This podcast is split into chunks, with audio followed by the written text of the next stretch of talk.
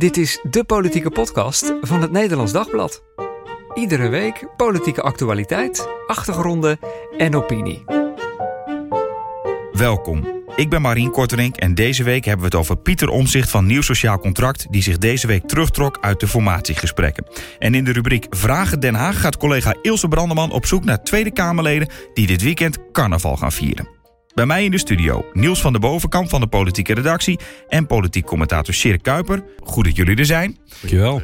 Laten we even beginnen met nieuws van gisteravond. Caroline van der Plas van BBB gisteren die verliet een debat... en ze sprak van een onveilige werksituatie. Laten we even luisteren hoe dat ging. Heel even, sorry, even een puntje voor orde maken. Uh, ik verlaat vergadering, uh, want de heer De Groot zit mij uh, hier allerlei dingen toe te bijten. En ik vind het geen veilige werkomgeving. Dus u mag het zelf verwoorden wat u heeft gezegd. Maar ik zit hier naar een debat te luisteren en ik ben hier niet van gediend. Ja, ze vond volgens mij dat ze nare opmerkingen van Tjeerd de Groot van D66 kregen. Ja, dat klopt. Die, die schijnt daar toegebeten te hebben dat ze weer filmpjes aan het maken zou zijn uh, nou, voor de sociale media-uitingen van BBB. En die schijnt dat op zo'n manier gedaan te hebben dat ja, Caroline van der Plas dat als uh, onveilig uh, heeft ervaren. En die is vervolgens nou ja, opgestapt uit die vergadering. Dus nou ja, dat is niet, niet heel vrij natuurlijk. Hebben we, wat werd er dan gezegd? Nou, ik weet niet precies wat daar gezegd is, maar Caroline van der Plas zegt in ieder geval dat, ja, dat, dat, dat Jeer te Groot iets heeft gezegd over dat ze weer filmpjes aan het maken zou zijn. En, en, en meer weet ik daar ook niet van. Overigens, een uh, ander voorbeeld van juist wel een positieve uh, werksfeer in Den Haag zagen we ook gisteren. Uh, vorige week werd bekend dat GroenLinks P van de A-Kamerlid Momo Handis ja. op geloof 38-jarige leeftijd zijn zwemdiploma heeft gehaald samen met zijn dochter. En gisteren kwam CDA-leider Henry Bontebal dat even met hem vieren. En hij had een opblaaskrokodil mee. Ja, ik dus had het gezien. Het ja, ja. Maar is dat dan niet ook voor de filmpjes? Ja, dat, ja, dat, ja, dat is wel heel cynisch. Ja, of ben ik dat te cynisch?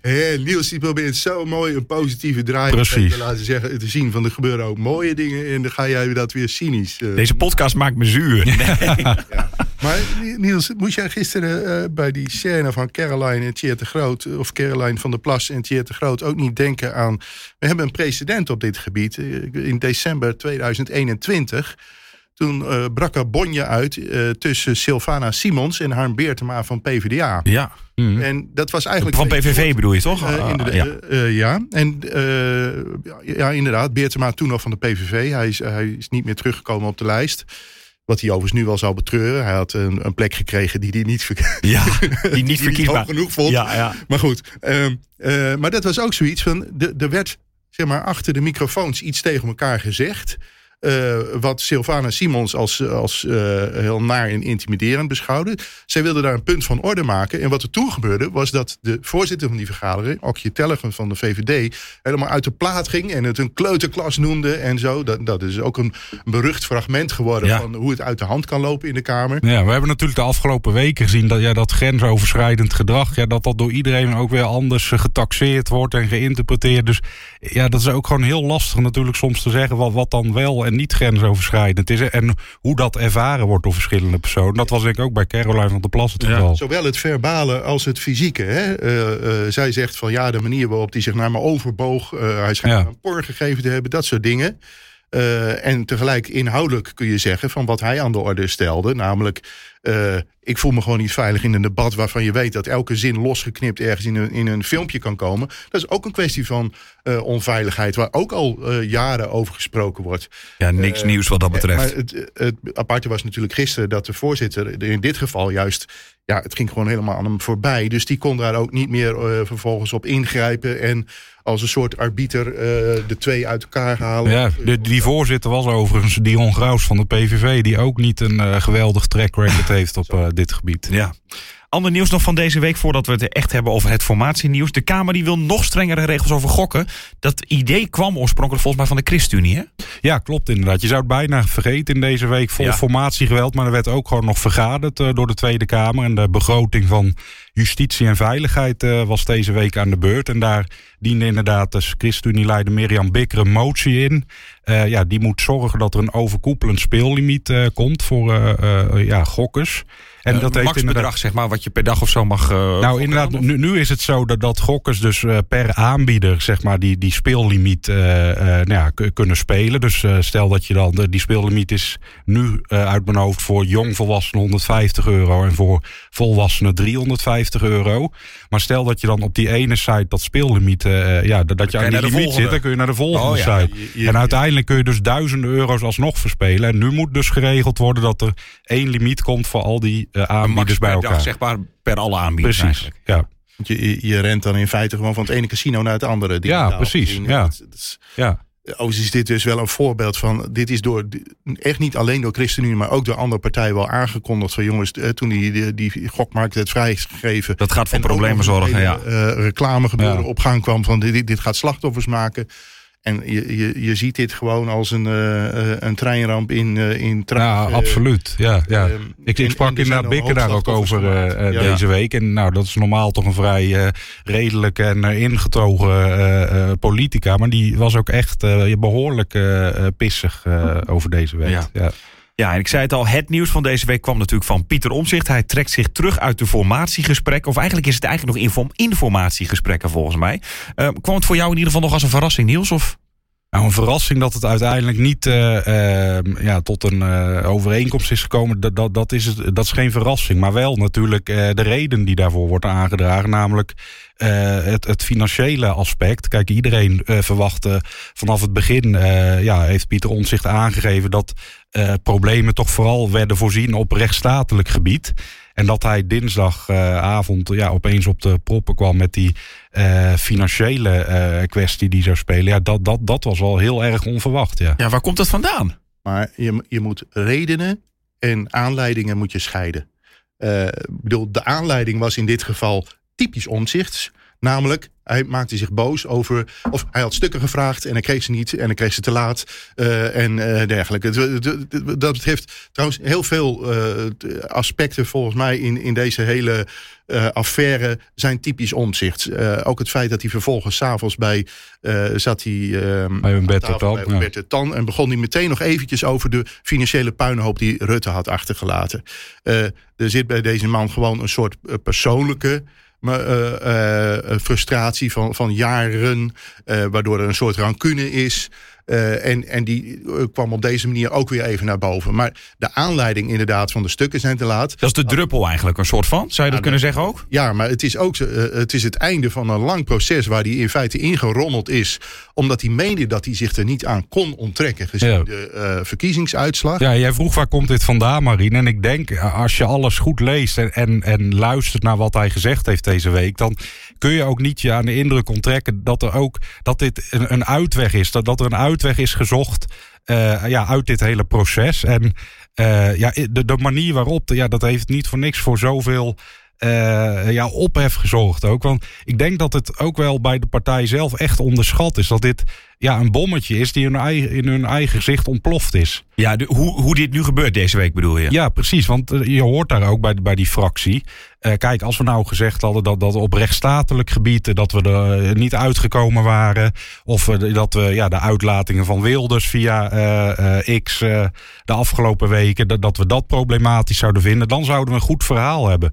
Maar om nou op, op financieel gebied dat, dat als oorzaak aan te wijzen... ja, dat is niet het sterkste verhaal. Maar je denkt dan toch ergens ook hij heeft toch ook mensen die erover nadenken. Die zeggen van joh, er zijn heel legitieme redenen om te zeggen... Ik, ik zie het toch niet zitten. En dan komt hij met deze reden. Waarom zou hij dat doen? Daar denken ze daar toch ook over na, denk je nou, nou uit, uit reconstructies van zowel het AD als nu.nl blijkt ook wel dat, dat dit uh, nou ja, ook uh, dinsdagavond uh, dat er echt paniek in de tent was. Want Pieter Onzicht heeft toen, nadat hij de gesprekstafel smiddags heeft verlaten, heeft hij drie journalisten uitgenodigd. Marleen de Rooij van de NOS, Natalie Reiten van de Volkskrant en Elodie Verheij van het Algemeen Dagblad.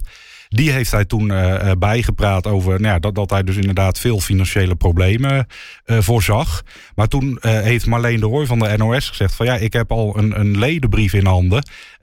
nou, waar, waarin staat dat jullie inderdaad voor nu willen stoppen. En toen, ja, dat, die ledenbrief moet dus van iemand bij de fractie van Nieuw Sociaal Contract gekomen zijn. En toen is Pieter Omtzigt ook echt geschrokken daarvan. Want ja, dat betekent dus dat er een lek in zijn fractie zit. Ja. En toen is de paniek uitgebroken. Heeft hij snel een sms'je gestuurd uh, naar informateur Plasterk en de andere gesprekspartners. Ja, en toen is natuurlijk die hele communicatie is, ja, niet heel gunstig uitgepakt. Nee. Uh, maar het is wel het einde van een weg die aan het begin eigenlijk al een wonderlijk werd uitgestippeld. we hebben ja. in december is Plasterk op pad gestuurd. En toen werd eigenlijk al gezegd van begin februari pas en jullie gaan het eerst over de rechtsstatelijkheid hebben. dus andere partijen die drongen er toen al op aan. Van knip dat nou eens even in stukken. Uh, meld eerst eventjes als jullie op rechtsstatelijk gebied het eens geworden zijn. Uh, en ga dan verder. Maar al gaandeweg de afgelopen weken bleek dat kennelijk die, uh, die hobbel al vrij snel genomen was. Want ze gingen helemaal de financiën in. Ja, die hobbel van rechtsstatelijkheid ja, ja. is genomen, ja, ja erkennen ze ook. En het wordt nu dus wel heel interessant van hoe is die hobbel dan genomen? Daar hebben we al eerder van in deze podcast gezegd van ja, je kunt heel makkelijk een soort toverformule vinden waarmee je uh, heel, Wilders bij wijze van spreken in zijn hok houdt. Uh, en tegelijk blijft het voortdurend zoeken naar um, van ja, maar wat is de geest dan van waaruit uh, een mogelijk kabinet van deze samenstelling gaat regeren? je hebt ook gezien dat ook op dit gebied omzicht heel erg achtervolgd wordt door rancune en boosheid over het verleden. Want iedere keer als het over rechtsstatelijkheid gaat, dan zegt hij van ja, je moet eens naar het vorige kabinet kijken. Hè. Die hebben allerlei dingen gedaan die helemaal niet mochten. Ze hebben uh, uh, miljarden uitgegeven buiten de Tweede Kamer. Maar is er dan niemand die dat tegen hem zegt? Die zegt van stop die rancune en zeg gewoon wat jij zegt. Aan het begin was het al heel moeilijk. Kom daar gewoon op terug van joh, we hebben het geprobeerd, maar het, het gaat ons toch niet lukken. Ja, maar die partij is wel geformeerd rond deze man en zijn werkwijze en zijn persoonlijkheid en zijn uh, invalshoek. En die invalshoek is dus heel erg procedureel. Is heel erg uh, uh, op van, van hoe, hoe gaat het tussen Kamer en kabinet. En dan heb je, zit je notabene in een fase waarin hij eigenlijk de overstap zou moeten maken van politiek, parlementair denken naar bestuurlijk kabinetsdenken. Ja, maar je hoort er daarover over ook wel degelijk eh, onvrede hoor, binnen NSC. Ook weer in de Telegraaf stond zelfs de, nou, dat een fractiebreuk dreigt. Volgens mij, uh, zover is het nog niet. Maar ik liep uh, toevallig... Stoken door de, uh, door, door de politieke uh, Precies, ja. Maar ik liep woensdagmiddag even op de, ja, de wandelgangen bij, bij Nieuw Sociaal Contract. En nou, ik hoorde daar toevallig een, een, een telefoontje van nou, ja, een van de Nieuw Sociaal Contract mensen. En uh, ja, ja die, die was aan het bellen. Ik weet niet met wie. Maar die vertelde wel van ja, uh, ik heb hier allemaal boze, boze journalisten continu. En die willen ook onze kant van het verhaal uh, horen. En ik vind echt dat wij die kant van de, ons, onze kant van het verhaal nu ook echt moeten gaan vertellen. Dus dat laat ook wel zien dat, dat zeg maar, dit alles niet, niet voorzien is. Dat het zo uiteindelijk in die communicatie zo ja, slecht voor nieuw sociaal contract heeft uitgepakt. Omdat iedereen ervan overtuigd was op een gegeven moment van ja, Pieter Omtzigt heeft die tafel verlaten zonder daarvoor een heel overtuigend verhaal te hebben. Maar dat is onvrede over de gang van zaken. En dat is iets anders dan dat ze het fundamenteel oneens zouden kunnen zijn met de keuze uiteindelijk. Want die keuze om uh, niet in een kabinet van deze samenstelling te, uh, te stappen. Die heeft om zich eigenlijk al gewoon helemaal aan het begin gemaakt. Hij heeft gezegd: Oké, ik laat me aan tafel nodigen gezien de verkiezingsuitslag. Maar als er nou één is die bijvoorbeeld al voor de verkiezingen heeft gezegd: van uh, met Wilders zie ik geen mogelijkheden om een kabinet te vormen, dan is dat omzicht. Ja, maar die gang van zaken, Sjerik, dat hoort ja. ook bij leiderschap. Hè? Ik bedoel, Jawel, hij is maar... dinsdagavond ja. vertrokken naar Enschede. Zijn fractie zit gewoon de hele week in Den Haag. Die krijgen de hele week door allerlei vragen van journalisten. Ik heb woensdagmiddag ook met Eddie van Heijem gesproken. Dat is een secondant van. Mm -hmm. Pieter Omtzigt, ja, hij was degene die uiteindelijk het verhaal moest gaan vertellen aan de nog aanwezige journalisten. Ik vind ja, dat niet het beste voorbeeld is van. Toch, is hij dan toch wat vaak de wordt rol gezegd? Van Van Heijen moet je niet te klein maken natuurlijk die, uh, die zo opstellen van het verkiezingsprogramma.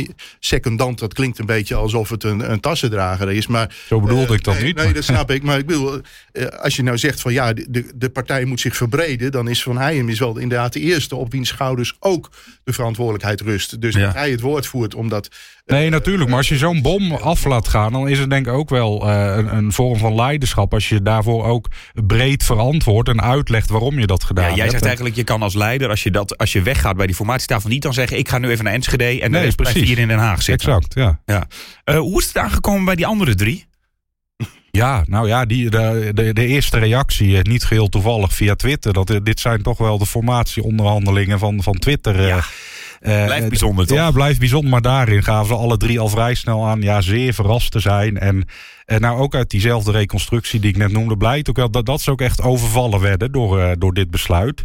Eh, maar goed, dat wordt dan natuurlijk ook nog wel een tikje aangezet van ja, hoe verrast ze waren en ja, hoe, eh, hoe overvallen door dit besluit. Maar dat is ook een, een foute inschatting van hoe belangrijk persoonlijke verhoudingen en, eh, en fatsoenlijke omgang met elkaar is. Ik bedoel, nogmaals, eh, eh, er is geen politicus in Den Haag die we al zo lang kennen. Of nou ja, Wilders kennen we al heel lang en Omtzigt kennen we al heel lang. Je weet dat de man eh, snel persoonlijk gekwetst is en eh, dergelijke. Nou ja, als je dan eh, wekenlang inderdaad via Twitter onder andere de sfeer zit te bederven. En eh, op de, eh, de avond voor de, eh, eh, voordat de boel klapte nog die hele scène op Twitter van eh, Wilders die eh, ineens zonder enige zuurigheid een heel positieve tweets plaatst over de kansen die hij ziet. En het moet nou maar gaan gebeuren. En ehm eh, Dylan Jezilgus, Jezilgus die meteen zegt van ja, helemaal mee eens. En Caroline die er mee eens. Ik ook. De kant Ja. opkijken van en Pieter zegt niks. Eh, dat, dat was een scène van, van een, ehm, een amateurtoneel.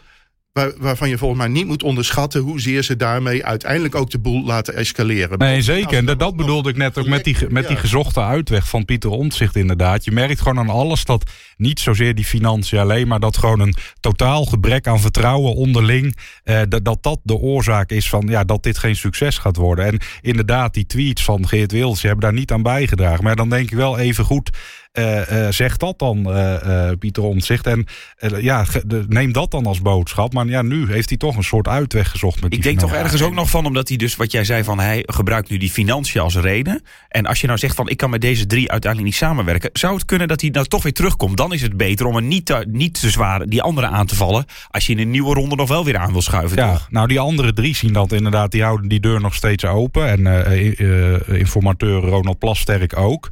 Maar eh, ja, de laatste berichten gisteren bij Nieuwsuur eh, waren wel dat binnen nieuw sociaal contract... en dus Pieter Omtzigt ook, dat, dat, eh, dat zij niet heel happig meer zijn om daar nog aan tafel te gaan zitten. En dat zij ook een, een, een minderheidsregering onder leiding van Geert Wilders niet zouden zien zitten. Dus Maar dat is ook heel verklaarbaar. Ik bedoel, Pieter Omzicht is een hartstochtelijk parlementariër met geen enkele bestuurlijke ambitie. Dus eh, de, de, eh, hij heeft zelfs in het verleden volgens mij eh, mogelijkheden om staatssecretaris of minister te worden afgeslagen.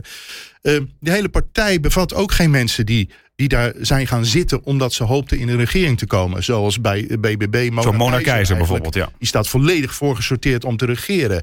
Ehm, eh, de- en je hebt ook een, eh, een sterke eh, partij in het parlement nodig om, om die controlefunctie uit te oefenen. Waar, waar hij altijd op gehamerd heeft, waar hij zijn reputatie mee gevestigd heeft.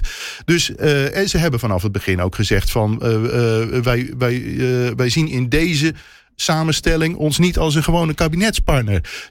Vervolgens heeft de VVD geprobeerd hen de pas af te snijden door als eerste te roepen van wij gaan alleen gedogen. Terwijl als er nou één partij is die zich volgens mij al met huid en haar heeft uitgeleverd aan een kabinet Wilders 1. eh, of eh, misschien met een ander aan. Plasterk 1. Ja, Plasterk 1, maar in ieder geval van die samenstelling, dan is dat de VVD. Ik hoor niemand bij de VVD meer over van ja, nee, nee, wij zitten daar alleen maar om te praten over gedoogakkoord. Nee, maar ook, dat kan strategie zijn. Hè? Ik bedoel, de bal ligt in zekere zin nu ook weer bij de VVD. Zij zullen nu ook weer een nieuwe houding Ja. moeten zien te vinden eh, in, in dit geheel. En het kan natuurlijk ook strategie zijn geweest. Jesselgus heeft die bal heel snel bij ons zich neergelegd. Door te zeggen van nou, eh, uiteindelijk van wij willen wel gedogen kabinet. En daar gaan we serieus naar kijken. Maar ja, nu om zich dus lijkt af te haken, is die bal wel weer opnieuw terug bij de VVD. En ik ben wel heel benieuwd hoe zij daar nu mee omgaan. Hoe het verder moet, gaan we het zo over hebben. Eerst gaan we naar Ilse Brandeman, die eh, deze week weer, zoals altijd, in Den Haag is. En op zoek gaat naar carnavalsvirus. Vraag het Den Haag.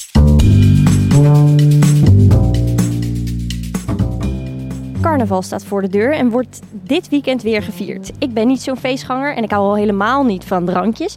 Maar ik ben wel benieuwd, zijn er hier in de Kamer nog carnavalliefhebbers? Mevrouw Anita Pijpeling van GroenLinks PvdA. U komt van onder de rivieren, namelijk uit Zeeland. Wat gaat u doen eh, komend weekend? Nou, uh, ik ga geen carnaval vieren. Verrassing, verrassing. nee, ik kom uit het uh, protestantse deel van Zeeland. Nou ja, dan... Uh, hey, dan weet je het wel. Dan weet je het inderdaad wel. Ik moet wel zeggen, mijn kinderen die gaan uitgebreid carnaval vieren in Breda. De middelste studeert in Breda. En de oudste en de jongste dachten, nou dat is leuk. Dan hebben wij daar een stekkie en dan gaan wij daar ons in het carnavalgeweld storten. En zij kregen uw moeder niet mee? Nee, zeker niet. Nee, die moeder die waarschuwt alleen maar pas nou op, want het is druk en het kan ook gevaarlijk worden. En u houdt misschien niet van drankjes en, uh, en feesten of uh, valt dat wel mee? Nou, ik hou van drankjes en ik hou van feesten, maar de combinatie van die twee met carnaval, ja, ik heb een vriendin uit Limburg en ja, ik moet zeggen hoe zij het viert, zij is er echt mee opgegroeid, ook met de, de echte katholieke rituelen die erbij horen. Ja, dat vind ik fantastisch om te zien. En dus ik zei ook tegen mijn kinderen, dat betekent dat je vanaf woensdag ook gaat vasten. Want dat hoort erbij. Ja, daar dachten ze natuurlijk wat anders over. En hoe denkt u dan over het vasten? Gaat u iets uh, laten? Nou, ik vind sowieso het fenomeen, dat heb ik ook met de ramadan. Dat heb ik ook met het vasten naar carnaval. Uh, ik vind de gedachte van dat je heel bewust even nadenkt wat je tot je neemt daar kan ik alleen maar voor zijn. Alleen niet speciaal in de vaste periode? Nee, nee, dat hoeft voor mij niet, nee. Zijn er nog wel andere plannen dit weekend? Uh, ja, ik ben uh, uitgenodigd uh, samen met mijn man bij een concert in de Concertgebouw in Amsterdam door de Vlaams vertegenwoordiger in Nederland.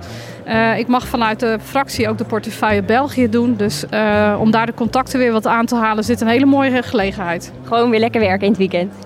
ja, maar wel leuk.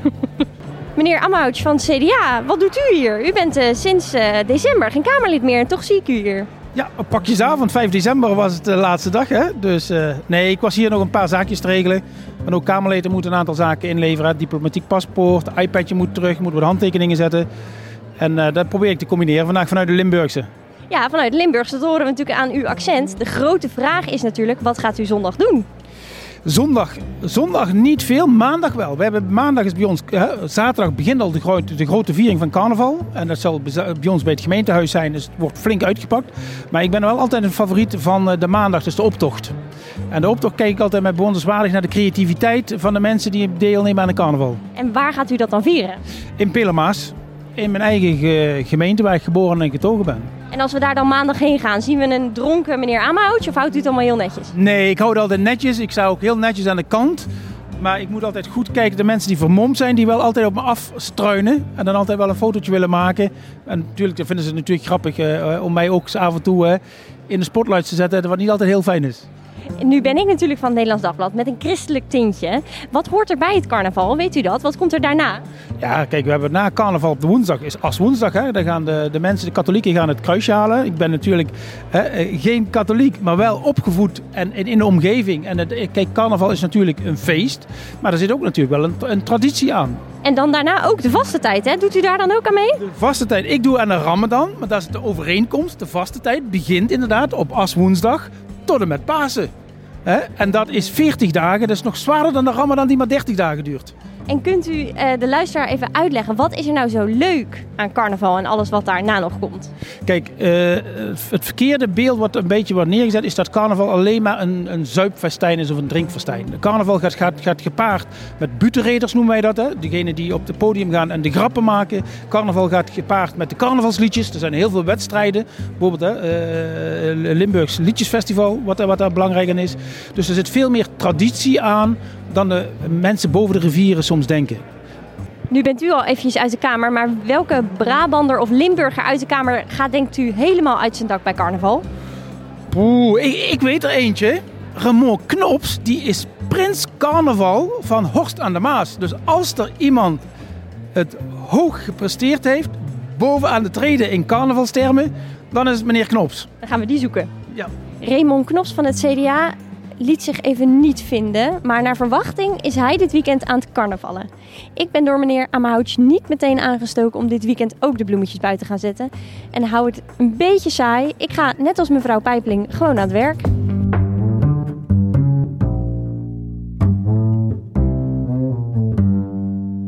Het eigenlijk met jullie? Gaan jullie nog carnaval vieren? Ik vermoed van niet, maar ik denk toch even checken. Uh, nee, ik heb het in het verleden wel eens gedaan, maar dit jaar uh, sla ik inderdaad een keer over. En jij, Sjerk? Carnaval is de beest uithangen voordat je de vaste tijd begint. Hè? Dus nog eventjes het ervan nemen. En dat, dat kan ik niet, want ik heb, in januari ben ik gestopt met alcohol. En ik heb besloten dat tot en met de 40 dagen tijd vol te willen houden. Dus ik ga pas weer drinken op de eerste paasdag.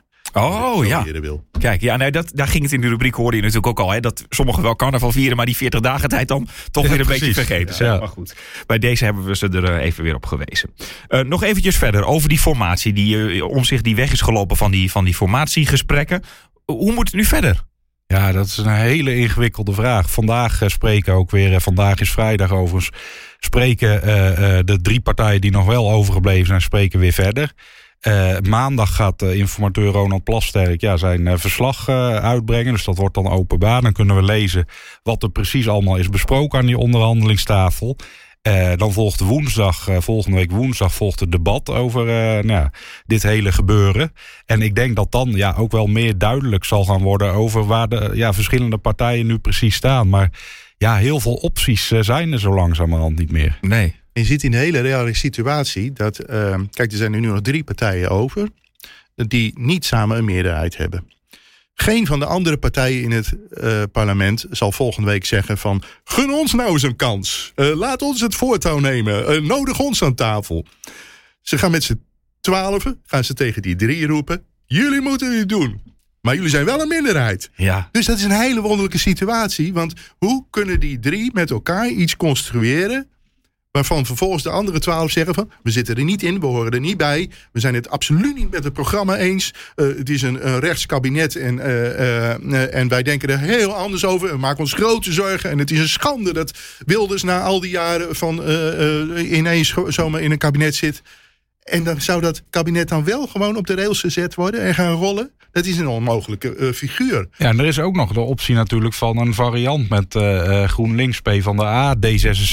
Ja, maar die gaan niet zeggen van, oh laat ons het eens eventjes doen. Nee, nu, nu nog niet inderdaad. Nee. Maar uiteindelijk zal dat misschien ook wel meer en meer in beeld komen. Maar is dat meer? Hoe, hoeveel zetels kom je dan? Dan kom je, volgens mij uiteindelijk op 76 zetels. Dus uh, ja, dat, dat ja, heeft er meerdere. welke je erbij haalt. Maar, maar ja. kijk, dat, dat, dat gaat echt pas, dat kan pas beginnen als die andere drie finaal gecrashed zijn.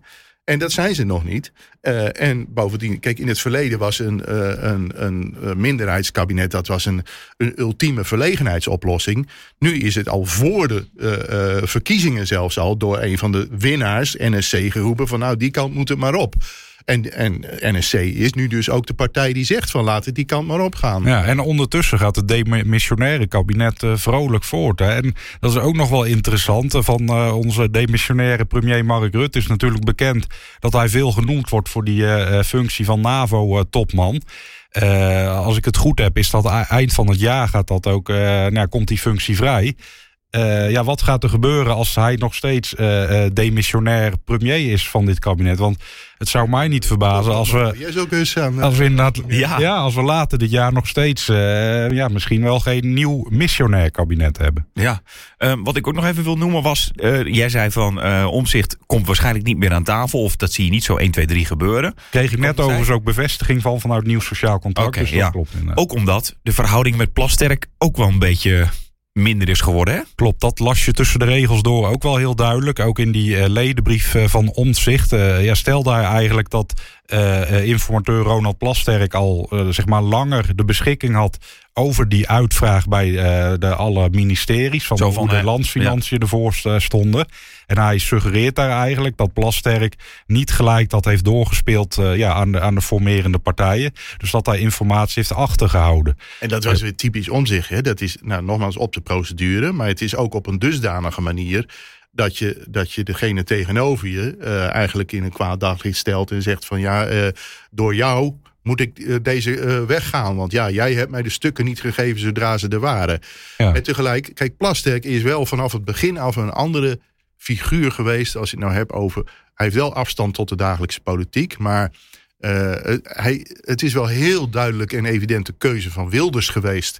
Eigenlijk, la, laten we niet even vergeten hoe, hoe het begonnen is. Hè? Mm. Stel je voor dat meneer Gom van Strien dit allemaal nog had Ja, die zouden we, die vergeet je bijna weer. Dat, ging na een paar dagen fout. En toen kwam Wilders ineens met een oud PvdA die de reputatie heeft dat hij inmiddels helemaal in het rechterkamp zit. Dat is een andere statuur dan in het verleden een Herman Tjenk Willink. Uh, of uh, on, onze VVD'er. Uh, ja, nou? ja, ik zit ook. Ik kan dokter. Ja, Remkes. Ja. Remkes, ja. ja. Kijk, en. De, de, dus. Um, dus dat, het, het gezag wat een, uh, iemand in die positie heeft, dat is. Ik, ik, ik, hoorde dat hij zich nu. dat hij zelf onderscheid maakte tussen persoonlijkheid, uh, gekwetstheid en het en het instituut ja, het van instituut, de, uh, de Daar mist hij respect voor, inderdaad. Ja, Ja, en inderdaad. het is hem wel wekenlang gelukt om ook echt een, niets los te laten over die persoonlijke verhouding. Maar gisteren was inderdaad met deze opmerking. Ja. Heeft hij ook wel weer ja, een beetje inzicht gegeven in ook zijn eigen persoonlijke frustraties. Dus dat, dus dat hij ook de actie van omzicht ja, als, als niet respectvol uh, beoordeelt. En ook dat helpt natuurlijk allemaal niet in die verhoudingen die toch wel heel slecht zijn. Dat, dat is ook zeer terecht. Ik bedoel, om zich heeft zich gewoon uh, heeft hem geschoffeerd. Ja, tuurlijk. Maar als je, hij zegt nog steeds dat hij het ziet zitten om die vier partijen aan tafel te krijgen. Dan helpen zulke opmerkingen niet natuurlijk. Ja, omdat uiteindelijk de Kamer de conclusie moet trekken. Hij kan, ja, ik ben benieuwd hoe hij het opschrijft. Maar hij zal niet een, met een brief komen waarin in feite die zegt: het is een hopeloze zaak. Hij zal altijd proberen die brief toch zo te formuleren dat er in ieder geval voor de Kamer nog een, een, een ja, een, een mogelijkheid is om volgende week een, een nieuwe weg in te slaan. Ja. Even nog over omzicht. We hebben het nu over omzicht, omzicht, omzicht. Terwijl het eigenlijk natuurlijk een partij is die aan tafel zit, NSC. Maar het is eigenlijk toch omzicht, omzicht, omzicht. Ja, die partij draait natuurlijk nog heel veel uh, ja, om uh, zijn geestelijk vader, zou je kunnen zeggen. Om de oprichter van die partij. Uh, ik heb daar afgelopen week ook een artikel over geschreven. Over hoe die partij eigenlijk heel voorzichtig wordt opgebouwd.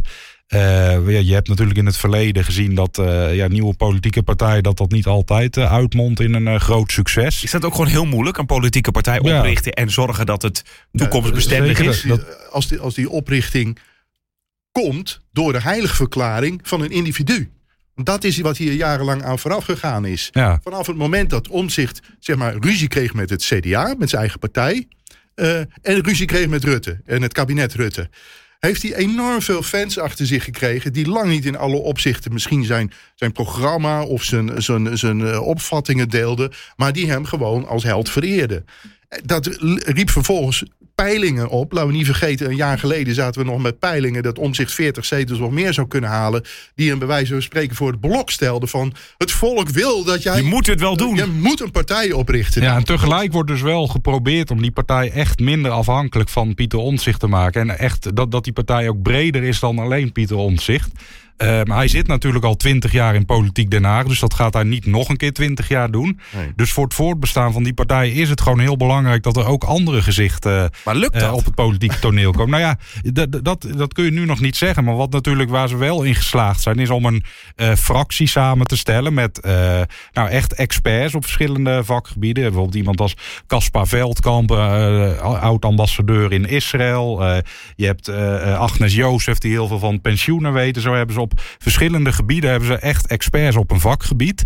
Waar wel grote vraagtekens nog over zit. Uh, dat, dat, bleek deze week ook wel heel duidelijk. Het zijn dan uh, wel allemaal experts met heel veel kennis. Maar politiek gezien is er wel heel weinig ervaring. Dus dat politieke spel, zeg maar, om ook dingen voor elkaar te krijgen. Ja, dat is gewoon iets wat ook uh, ja, een paar jaar misschien wel vergt voordat je dat onder de knieën. Want daar is om zichzelf misschien dat echte politieke spel. Om dan bijvoorbeeld dit wat deze week gebeurt slim uit te spelen. Is hij misschien ook niet de beste in? Ja, dat, dat weet niet. Hij heeft wel uh, verreweg de meeste ervaring ja, natuurlijk. Maar, dus, nou, nee. Nou, uh, van, van zijn fractie. Wie de, uh, laten we niet vergeten wie er aan het hoofd van de tafel zit. Daar zit meneer Wilders, die 25 jaar in de, Den Haag zit. Die een fractie van ja-knikkers om zich heen heeft, grotendeels. Om, omdat ze totaal verrast zijn dat ze ineens in de Kamer werden gekozen. Ehm, en die, uh, van wie je ook kunt zeggen van ja, die gaat niet eeuwig door. Hoewel, ik, ik, wens iedereen nog 25 levensjaren toe. Maar ik zou zeggen niet in de politiek. en die een zeer bedreven politicus is. die, die, ja, die, die gewoon heel snel kan schakelen tussen heel vilijn zijn en het volgende moment heel positief. Hè? Aan mij zal het niet liggen, ik zie goede kansen. En wat hebben we niet voor wonderlijke wendingen gezien de afgelopen weken? Van uh, ineens alle scherpe kantjes eraf en alle narigheid in de ijskast. En het volgende moment toch weer eventjes heel lelijk uithalen. Dus de, de, de, bedrevenheid van Wilders als politicus en die van Omtzigt als parlementariër met allebei een hele aparte partij achter zich. De ene inderdaad een partij van, van deskundige mensen zonder enig politieke... Uh, uh, Grotendeels inderdaad. En de andere uh, een partij die, die zegt van... nee, Geert moet het maar doen. Hè. We hebben het gezien de dag na de verkiezingen van... wat vindt u dat er nu moet gebeuren? Oh nee, daar spreek ik me niet over uit. Nee. Ik zat op de bank en ik dacht, ik, word, ik, ik kom waarschijnlijk niet in de Tweede Kamer. Exact, dat ja. is het tafereel. Wat, wat, wat trouwens bij het Nieuw Sociaal Contract ook nog wel heel interessant wordt... we hebben nu nog één politieke week. Dan is er een week van En in die week worden er uh, ledenbijeenkomsten georganiseerd door Nieuw Sociaal Contract. Die zijn een tijd geleden al georganiseerd, maar die zullen nu uh, zeer waarschijnlijk ja, volledig in het teken ook van ja, deze gestopte formatie komen te staan. En dan wordt ook wel wat duidelijker ja, hoe er nou in die partij gedacht wordt over dit besluit van omzicht. Want we hebben wel afgelopen week al wat peilingen gezien waarin echt wel bleek nou, dat best wel een groot deel van die partij niet heel blij is met, met deze keuze. Uh, maar goed, tijdens zo'n ledenbijeenkomst kun je dat ook nou, echt ook wel duidelijker nog zien. Dat kunnen toch Poolse landdagen worden? Want wie, hebben zich, wie zijn de, de 10.000 Nederlanders die de afgelopen tijd hebben besloten om lid te worden van, de, uh, van Nieuw Sociaal Contract? He, we, we, zien in de Kamerfractie en, en in het kader van de partij zie je veel oud-CDA'ers en dergelijke. Daar, daar heeft uh, omzicht op kunnen sturen. Hij heeft, kunnen, hij heeft zelf kunnen sturen wie, wie zijn mensen zouden, uh, zouden worden, het personeel kunnen aannemen. Maar zijn leden heeft hij niet voor het kiezen. Dus daar, daar kunnen mensen bij zitten met, met, met heel andere opvattingen en motieven. En ja, je hoeft, om, juist omdat hij in tegenstelling tot PVV een democratische partij probeert te, uh, op poten te zetten, is het een grote verrassing welke meerderheden zich in zo'n vergadering uh, dan gaan aftekenen. Die fractie, daar maak ik me in zoverre minder zorgen over dat die mensen die zijn in de Kamer gekomen op de slippen van omzicht. En ze weten dat als de boel nou uh, verpest wordt en we nieuwe verkiezingen krijgen, dan, dan zijn er waarschijnlijk 15 van de 20 uh, ja, zijn, zijn hun baan ja, kwijt. En gaan, de, gaan de, de geschiedenis in als van... oh ja, die is een paar maanden Kamerlid geweest. Ja, ja. Jij, jij noemde even oud-CDA, Erik. Dat is ook nog wel interessant. Dat natuurlijk uh, uh, ja, bij, bij het CDA wordt nou ook wel met enig leedvermaak gekeken... naar deze ontwikkelingen deze week. je ziet ook iemand als CDA-leider Henry Bontebal... die ook in onze krant deze week ook dit moment wel gelijk aangrijpt... om ook even zijn commentaar op de gang van zaken te leveren. meer moeten verbergen die ja. schadenfreude die daar uit, uh, uit zijn optreden spreekt. Inderdaad, van kijkers. De boel, maar, maar ja, daar zit dan weer zeg maar, wat rancune aan de CDA-zijde. Waar mensen achter de schermen zeggen van... jullie moesten dus weten wat Pieter om zich... Ja, rancune vind ik een groot woord. Maar le leedvermaak is uh, zeker wel aanwezig. Ja. ja. En, en ik, ik, ik, ik zag het voorbij komen. En toen dacht ik van... Uh, als uh, om zich het ene doet, zal het CDA het andere zeggen. En vice versa nou, waarschijnlijk. Wat, wat ik heel dubieus vond van, van, van Henry Bontebal... is dat hij zei eh, dat hij eigenlijk suggereerde dat omdat zich zo groot geworden was, 20 zetels, dat hij de plicht had gehad om met Wilders te, uh, uh, aan tafel te gaan. Terwijl ik nog steeds denk van... wat had ik graag gehad dat het CDA zich in het verleden ook gerealiseerd had... dat je onder geen beding verplicht bent om te gaan formeren met een partij die, uh, die weliswaar de grootste is, of in 2010 een grote winnaar was, maar die zo, opvattingen heeft die zo ver van je uh, afstaan dat je zegt van ja, sorry, het is goed, of het, het is democratie dat een deel van de Nederlanders hierop stemt, maar wij staan voor een ander deel van Nederland. Wij staan voor de driekwart Nederlanders die niet op Wilders hebben gestemd. Dus wij gaan die weg niet in. En nou suggereerde Bontebal eigenlijk dat omzicht wel zou moeten met Wilders. Dat vind ik heel dubieus. Dat is het oude CDA die zegt van onder alle omstandigheden verantwoordelijkheid nemen. Ik dacht, dat is niet zo. Ik dacht nog over NSC die een partij op willen richten. Is het natuurlijk ook niet makkelijk dat er altijd een partij is die redelijk op je lijkt. En dan bijvoorbeeld in de oppositie komt als jij in de coalitie zit en andersom. Uh, hoe bedoel je dat precies? Wat, nou, dat als je nieuwe partij opricht en, en het gaat even niet zo lekker, dan die kiezers die hebben een heel makkelijk alternatief wat relatief dichtbij ligt. Dat is namelijk het CDA. Ja, nou dat is inderdaad nu ook wel waar, waar ze op inzetten natuurlijk om die kiezer weer terug te winnen. En uh, dit soort debakels bij NSC, dat helpt natuurlijk wel om ook weer uh, voormalige CDA's misschien te doen twijfelen van nou was dit wel zo'n goed idee. En worden dit dan gewoon de komende tien jaar corresponderende vaten? Wat jij nu schetst, uh, dat is wat uh, politicoloog Sietse Faber ooit omschreven heeft als de wet van de koestal. Uh, de twee koeien die naast, naast elkaar staan, die vreten het meest van elkaar uh, en, die, die gaan het agressief met elkaar om. Dus uh, inderdaad, hij schreef dat toen overigens over de verhouding tussen ChristenUnie en CDA. Nu is dat inderdaad denk ik meer tussen CDA en, en NSC. Van ja, ze eten uit dezelfde ruif. En ze, tegelijk, NSC heeft natuurlijk veel meer aanhang gekregen dan alleen oud-CDA'ers. Ja, je ziet natuurlijk in het algemeen ook wel dat die kiezer de laatste jaren gewoon uh, het eigenlijk ook niet meer weet. Maar met eerst op Forum voor Democratie, toen op BBB en nu op Geert Wilders. En ja, ook daar gaat natuurlijk weer teleurstelling ontstaan op deze manier de komende tijd. En ja, de vraag is wat het volgende uh, alternatief Hier wordt. Hier iets heel belangrijk nieuws. Het volk krijgt de leiders die het verdient. En het, het, het, het, het, er wordt heel gesproken over wat het volk dan zogenaamd zou willen. Ik zag van de week echt tot me afgrijzen dat er bij Umberto uh, gewoon dus een, een journalist aan tafel zei. Uh, Elodie Verheij van ja, maar het volk wil dit. Of wil deze combinatie. Dan denk ik, ben je helemaal betoeterd.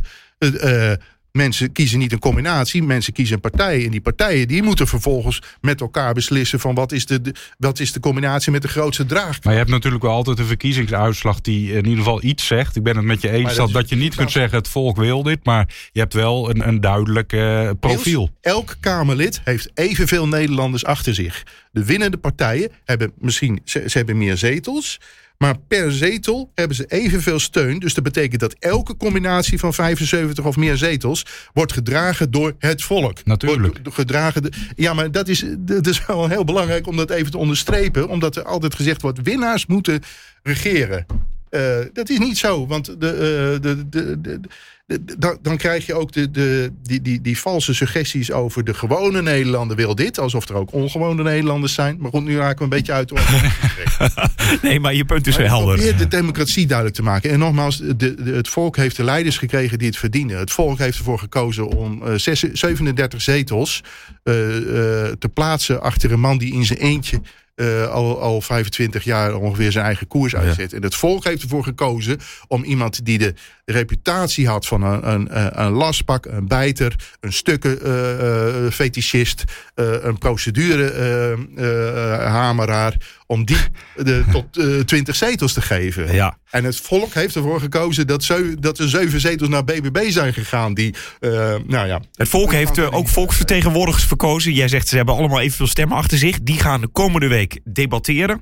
Verwachten we daar nog spektakel van? Of nou, ja, dat wat wordt, moeten we daarvan dat verwachten? wordt denk ik wel vuurwerk, ja. Ik, ik ben, ben heel benieuwd uh, nou, hoe de verschillende partijen die nu aan tafel hebben gezeten... maar ook de partijen daarbuiten, ook bijvoorbeeld de rol van Frans Timmermans... wordt interessant daarin. Daar ruikt hij nu misschien wel uh, mogelijkheden, ja. inderdaad zijn kans om uh, ook mee te gaan doen. En dit debat gaat gevoerd worden op Valentijnsdag. Nou, nou wat gaat daar... En ik ben nog even benieuwd, dat je hebt dat dus debat. En uh, jij zegt al, daarna is een week van reces, uh, komt er ook aan. Uh, en wanneer wordt dan ja, weer iets nieuws bedacht, zeg maar, waarmee verder wordt gegaan? Ja, dat hangt af van, van wat... dat debat. ja, inderdaad. Ja. En van wat ja, Plasterk daarna voor besluit gaat nemen daarover. We gaan het eh, volgende week volgen en dan komen we de vrijdag op terug. Dit was eh, de politieke podcast voor deze week. Vergeet niet om een recensie achter te laten, want dat maakt het voor andere mensen weer makkelijker om deze podcast te vinden. En als je op deze podcast abonneert in je favoriete podcast app, dan verschijnen we iedere week vanzelf in die app. Tot volgende week.